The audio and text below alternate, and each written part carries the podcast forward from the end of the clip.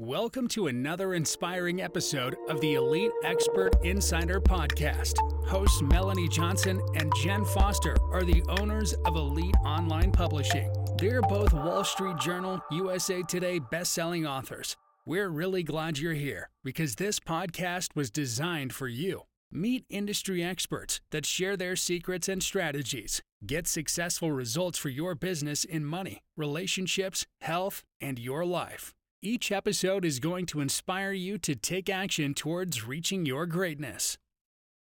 Hey everyone, it's Melanie Johnson. Thanks for joining us today. I'm with my co founder and CEO of Elite Online Publishing, Jenn Foster. Hey, Jenn. Hey, hey guys, how's everyone doing today? Well, I hope they're all doing great. We have an exciting podcast. As some of you may know, we are in the publishing business and we love books and authors and everything to do with writing, publishing, marketing. And today we have a famous ghostwriter and also does some publishing as well from Jumpstart Book Creation. And Shirley Jump is joining us today. And so if you're curious about writing books, publishing books, what it takes to be a bestseller, you're in the right place. Shirley, thanks for joining us today. Thank you for having me. Well, tell us, Shirley, how did you start? Like, how did you get into writing in your very first book? So I got into writing by lying about my age when I was a kid. My family sponsored a family from Laos, and it was pretty life changing to have three people in our house that didn't speak English. So I wrote this little essay about it. And I'm old enough that my dad's secretary typed it up because this was before computers, and we sent it into the local newspaper. They bought it and did a story on me and my family. And I was like, I want to be Jane Pauley. And so I called the local weekly paper, which was a much smaller paper, and in those days, you didn't meet anybody in person. And I pitched a story over the phone to them about no nukes group at the local Methodist church. And they asked if I was in high school, and I lied and said yes. And I was only 11. It was March of my eighth grade year. And I got a job as a journalist and learned within about five or six years that I did not have drive to be Geraldo Rivera, you know, finding Jimmy Hoffa's body or knocking on people's doors. I remember interviewing my high school history teacher's wife when he died of a heart attack while he was driving the family on vacation. And I felt like the world's lowest piece of scum. And I realized I didn't have the stomach to do that. So I went to work for a publicist and I did some ghostwriting. That's when I started doing ghostwriting for one of the people on Antiques Roadshow and some other people. And my first book contract came out of one of those clients that I did a piece on. And he said I was the only one that had ever gotten everything right. And so he had a book contract that he needed somebody to write. And that's where my first nonfiction book came about.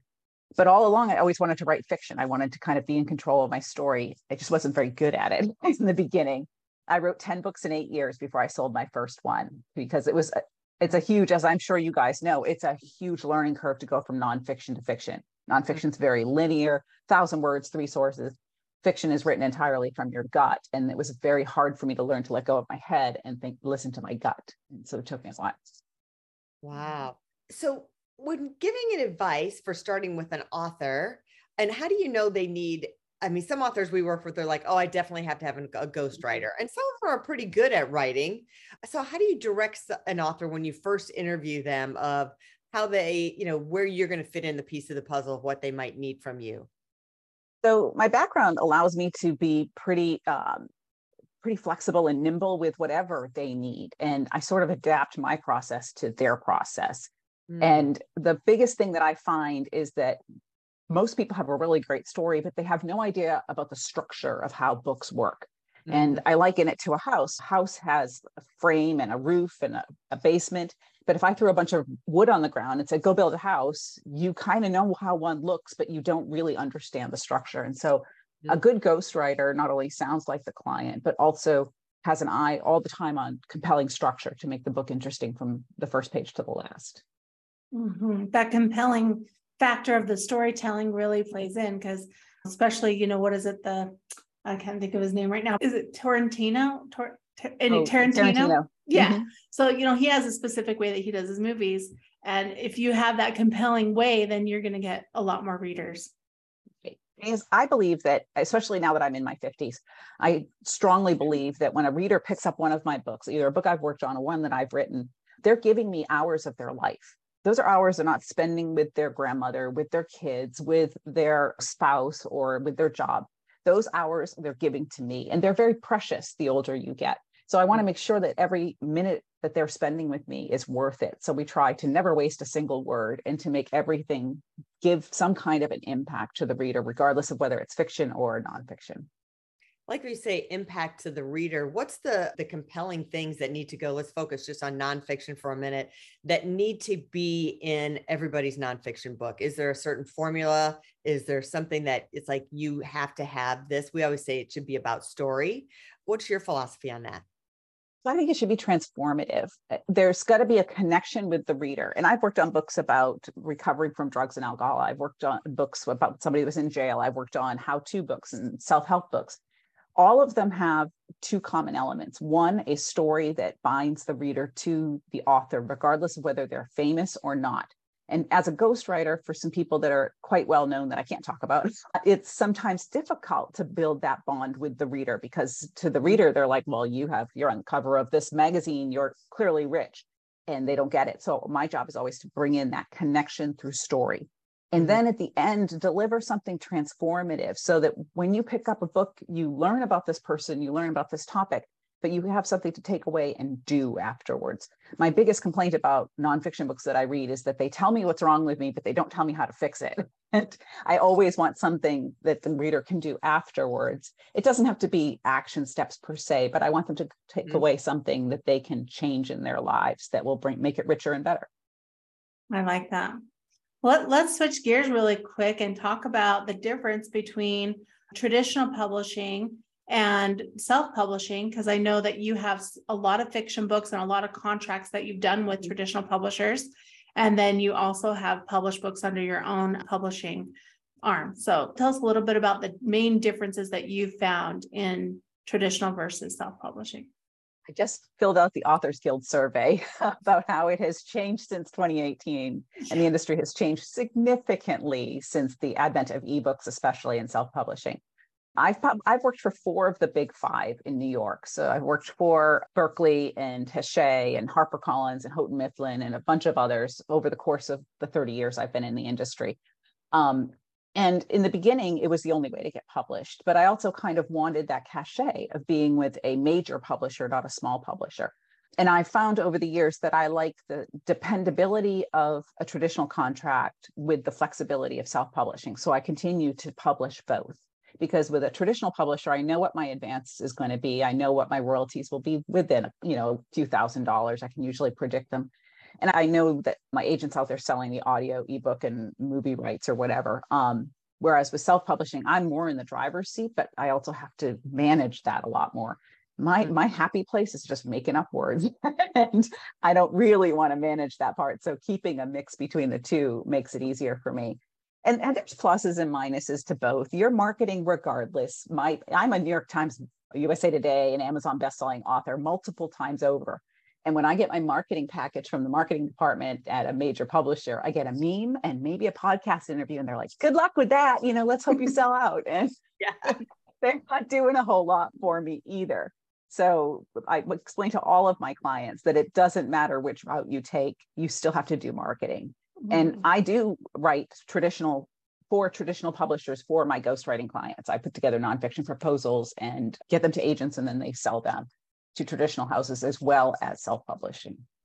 Do you feel like traditional houses are becoming kind of antiquated? I almost feel like they're kind of like blockbuster in a way mm-hmm. that you know there's new technologies new things happening even innovative things that i see are happening on amazon and they haven't caught up yet mm-hmm. um, what do you think about that uh, they're kind of the difference between a speedboat and a cruise ship it takes a lot more to turn that cruise ship and turn it in that direction and Mm-hmm. I remember arguing with one of my publishers at an annual conference. They would have a open house with the authors for us to ask them questions, and we would all argue with them about how to market on Amazon.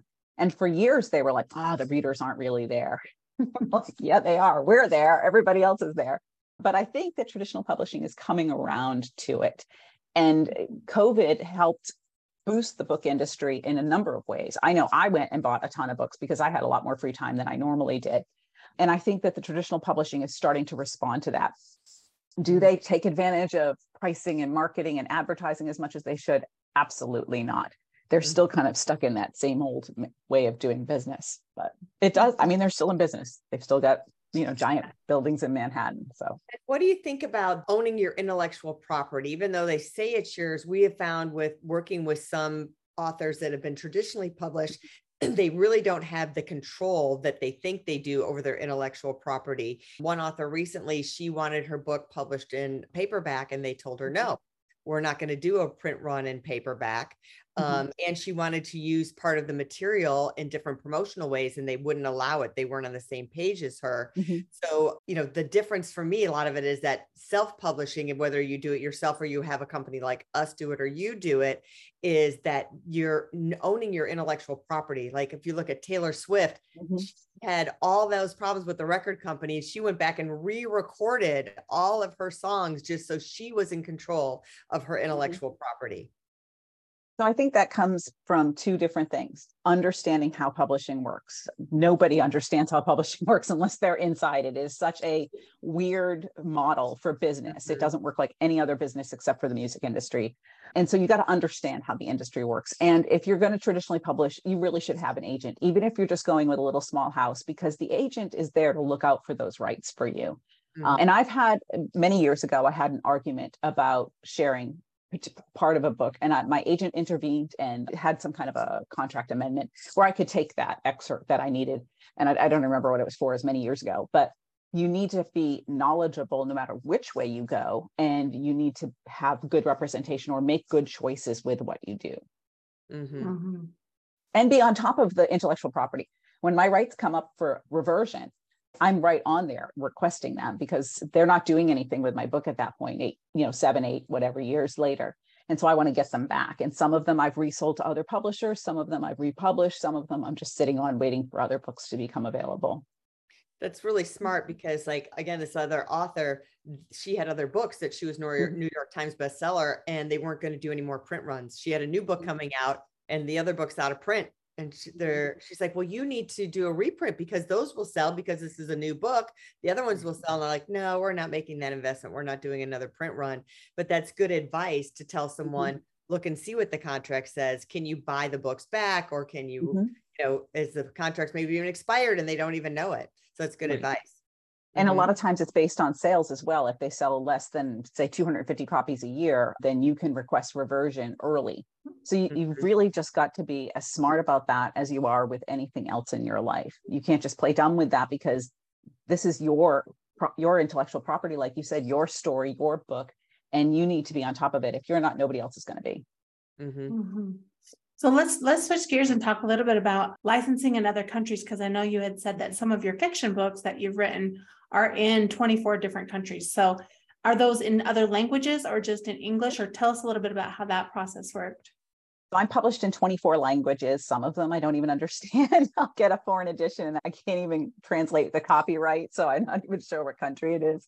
I remember getting a South African one one time and it took me like a month to figure out which country that was and that's been really interesting actually because you can see how poor some countries are like my russian copies and my indonesian copies clearly they're selling them for very little money because the paper is thinner the cover is thinner the words are smushed mm-hmm. together more so the books are shorter. My agent negotiates my foreign rights deals. I haven't done those for my self-published books because i just don't feel like doing that so again, I like to it's write your the words. Job, so let her do it. right. Yeah. yeah. And my agent negotiates those deals. The publisher hires a translator, and generally the translator gets a portion of the royalties. Mm-hmm. Uh, and sometimes the the company, there was a Japanese company that bought several of my books. They just pay me an outright flat fee and then keep them for a year or two and then give them back. So, do you need an agent to represent you to sell foreign rights? That's because it's hard as an individual and the author to start pitching your book would you recommend that they find an agent first and then the agent will pitch it to all these different countries? If your book has sold well in, in English or whatever your first language is, because agents are like car dealers, they're not going to take a, you know, 2005 Honda sedan with 250,000 miles on it and try to get a premium price for it at a dealership. They can, just can't do that. I had somebody come to me, actually two people in the same week, who had books that were 10 years old that each had one review on Amazon and we're ranked at like number 7 million or something. And they're like, I don't understand why an agent won't pick me up. And I'm like, because you have no sales. They they're salespeople who need to have something that they can sell. So if you have really good North American sales and you want to get an agent and, and sell it to other countries, which I recommend because then you're going through reputable publishing companies with reputable translators. You hire somebody off of Fiverr, you have no idea what they're putting in that foreign language. Yeah. Then they'll have something to work with. They have a valuable product that the foreign publisher will go, oh, look, it sold a million copies in the US. We're, we're taking it for Germany or whatever it happens to be. And what's the definition of, of good sales? Like an author may say, well, how many books do I need to sell on a regular basis? What ranking right. do I need to have on Amazon to constitute for an agent to pick me up? Do you know what those numbers are? I knew those magic numbers would transform everybody's career. Nobody knows. So you can be in a small category, say business etiquette, and sell 5,000 copies. And that can seem like really good numbers to a publisher because there's no other business etiquette books out there. So it's easy for them to sell it but you can be in the Tony Robbins type space and sell 5,000 books. And they're like, we're not going to be able to sell that because you're up against Tony Robbins. So it mm-hmm. depends on your category. It depends on your, and more than anything, it depends on your social media followers and your marketability. When I go to a publisher with a traditional book proposal for a nonfiction client, they want people that have 40, 50, 60 plus thousand followers on social media because mm-hmm. they know that that is the quickest way to get to the reader. They're not as concerned about sales as they are about marketability. Mm-hmm. Mm-hmm. Which leads to the next question, which is the marketing. So, mm-hmm. what have you found to be the best ways to market? I mean, it changes all the time. TikTok has blown up in the last you know, four or five years. So, what what do you find is the best way to market as a author? That turns into books yeah, that turns into that, for me, it's pay somebody that knows what they're doing. I hate marketing. Yeah. I used to work mm-hmm. for a marketing agency. I was a director of communications there. And I would rather chew off my own arm than ever go back to marketing. I hate that the industry so much and I hate doing it. And I hate marketing myself to begin yeah. with. So I would much rather pay somebody to do it. But you want to look for somebody reputable because a lot of these packages, my my clients will send me a package that they've got from a book marketing company and I'll go through it. And I'm, if you don't know anything about the industry, then you don't know you can do this yourself. This is not worth the money that they're charging. This is a BS thing that they can't do. They can promise the moon, but they can't actually do this. So you've got to understand the industry enough to be able to read the package that you're getting from a book marketing company and know if it's worth your while. But do you know mm-hmm. anything specifically that you've seen results in? Like people ask us to do Amazon ads all the time. And when we have done experiments with Amazon ads, it's really a wash. You know, mm-hmm. you're not really making money on it. Your book sales are eh, on those ads. So, what are you finding that you've seen that your marketing company is doing for you that actually results in tipping the needle? BookBub has been really successful for me, and Goodreads has been. And it's still a lot of it is still building relationships with the readers because I'm in women's fiction romance. And so those people are very loyal and they will buy mm-hmm. anything mm-hmm. I write and it's all about kind of maintaining that. So more the more that i'm plugged into my social media and connecting with those people the better off all of the other efforts will be. So it's a bunch of different things all at once. Mm-hmm. and i'm not really concentrating on as, as much because i've got the business is taking off doing really really well. And so i have not been as plugged into my fiction career as i w- should have been probably. Yeah. Well, I think that's really make money here or make money in six months. So right. Yeah. I think that's really important for our listeners to understand because I think a lot of times authors, whether they're fiction or nonfiction, will think, you know, I'm going to get this book done and then I'm going to make a million dollars, right? And they're not thinking about, well, what does it really take after the book is done? So just like what you were just saying, like engaging with your readers, being on Goodreads, t- you know, communicating with them on social media, engaging with mm-hmm. them, it really does take your time and effort to to connect with your readers so that you can get more readers right? Or exactly. or for the nonfiction so they can get their sales of whatever their book is is selling right. for them. The one thing i tell my clients and it was advice i got very early in my career is the only thing you can control in your publishing career is the quality of the book you put out. It truly is. I mean you can mm-hmm. have some input over your cover but you're not going to be a cover designer by trade generally or a formatter by trade. Mm-hmm. So the one thing that you can control is having the best possible, most compelling words you can from beginning to end so that you create a book that readers love and that they talk about to their friends. Because a lot of book publishing and a lot of getting the word out there is still word of mouth, where people talk about it on mm-hmm. social media or they talk about it at their book club or whatever mm-hmm. and tell their friends they have to read it. And that's how a lot of these blockbuster authors have gotten to where they are. Yeah that's we always tell our authors, you know, give books away. They're like, oh, I don't want to give Mm-hmm. away a book. I want to sell a book. But I said, imagine like if you gave, you're going on an airplane and you gave 20 of your books to passengers just randomly, and they're all walking on the plane with your book. Right. I mean, I remember seeing Eat, Pray, Love at an airport, like six people were carrying that book. And I'm like, what is that book? You know, the cover. And it hadn't been a movie yet or anything. And I was like, wow, that must be popular. All these people have it. So Mhm. Away turns into reviews, turns into more readers, turns into raving fans. So yeah, not to be afraid to do that for sure. I ran into a woman in an airport who bought my book in an airport bookstore and was reading it. And I'm like, hey, I'm the author of that. And she did not believe me. She thought like I was a stalker because I was like, no, seriously, you know, I am that person. I'm Shirley Jump. And she she wouldn't talk to me the rest of the flight. It was really funny. And then I've had other times where I've walked into a bookstore and seen somebody on the floor reading one of my books and and told them, hey, I'm the author. Do you want me to sign it? And they're just like, oh my God, I love you. So it's it's kind of a weird and humbling experience sometimes. But yeah, I give them away all the time. I, I have plenty of copies that I'll just give away because the best way to get to a new reader is to give them something for free because they're not going to part with that 20 bucks if they don't know you or trust you yet. Mhm. Yep. For Yeah, I sure. love that. Well, thanks so much for being on the show. Tell us where people can go to find you and find your books and your publishing and writing offers. So all of the fiction is under Shirley Jump. You can follow me on Amazon or BookBub or Goodreads or my Shirley Jump author Facebook page. I also have a Shirley Jump website. For the ghostwriting and book editing for nonfiction clients, that's on Jumpstart Creative Solutions. And I'm on LinkedIn. And then I also have a website for that. So. Terrific. Well, thanks for coming today. We hope that was helpful for all of you and inspired you to write your book. And don't be afraid if you need a ghostwriter. That's so many people use that. That's the way to go. And it compresses time and the book gets done for you and you can do other things that you love.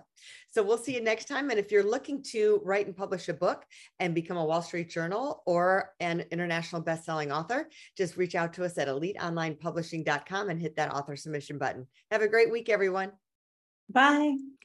Hey, are you looking to increase your revenue, build credibility, and elevate your brand? This podcast is brought to you by Elite Online Publishing, an innovative publishing and full spectrum marketing company. They will publish and market your book to make it a number one bestseller. Becoming an author is the best way to market your business. So contact them at eliteonlinepublishing.com today. All of their authors become number one bestsellers.